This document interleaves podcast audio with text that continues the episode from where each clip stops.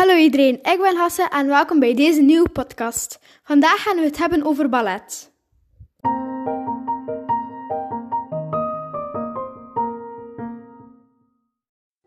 We zullen beginnen met drie grote balletdansers.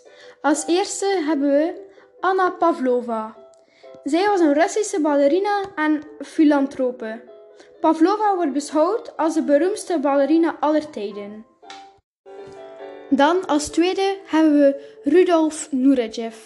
Hij was een wereldberoemde Russisch-Oostenrijkse balletdanser en choreograaf van Tataarse afkomst. Hij wordt gezien als grootste danser van zijn tijd. En als laatste hebben we Tamara Arroyo. Zij is een Spaanse balletdanseres. Ze is artistiek directeur van het English National Ballet, als ook prima ballerina. Ze was van 2000 tot 2012 prima ballerina bij het Royal Ballet.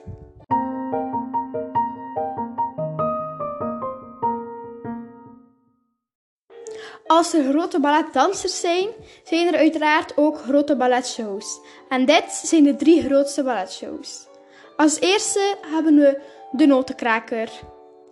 Dit is um, een klassieke balletshow en deze werd in première gegeven op 18 december 1892 in Sint-Petersburg.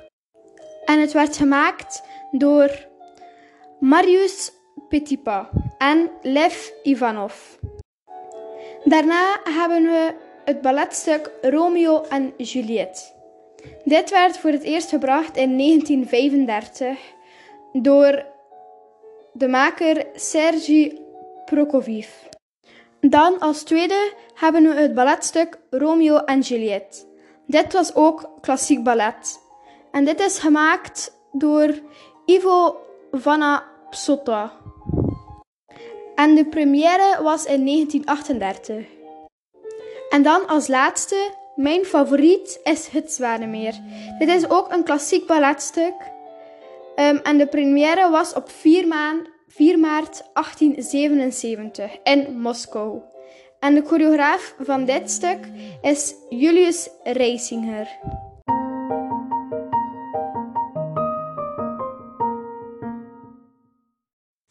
Nu gaan we over naar het interview. Hallo, wat vind jij van de dansstijl ballet? Ik vind ballet een mooie dansstijl, omdat ik dit een krachtige en sierlijke dans vind. Ik vind een balletoptreden altijd heel betoverend.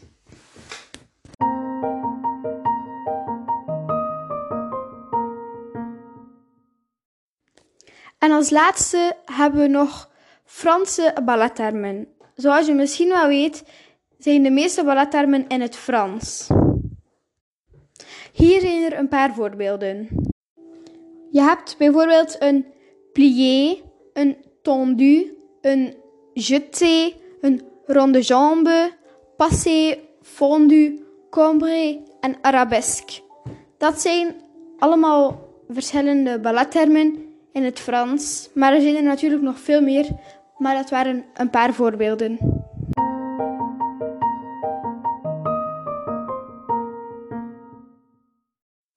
J'espérais que vous en avez appris quelque chose et que vous avez aimé l'écouter. À le prochain. Au revoir. Hopelijk hebben jullie hier iets uit geleerd en vonden jullie het leuk om te luisteren. Tot de volgende keer. Dag.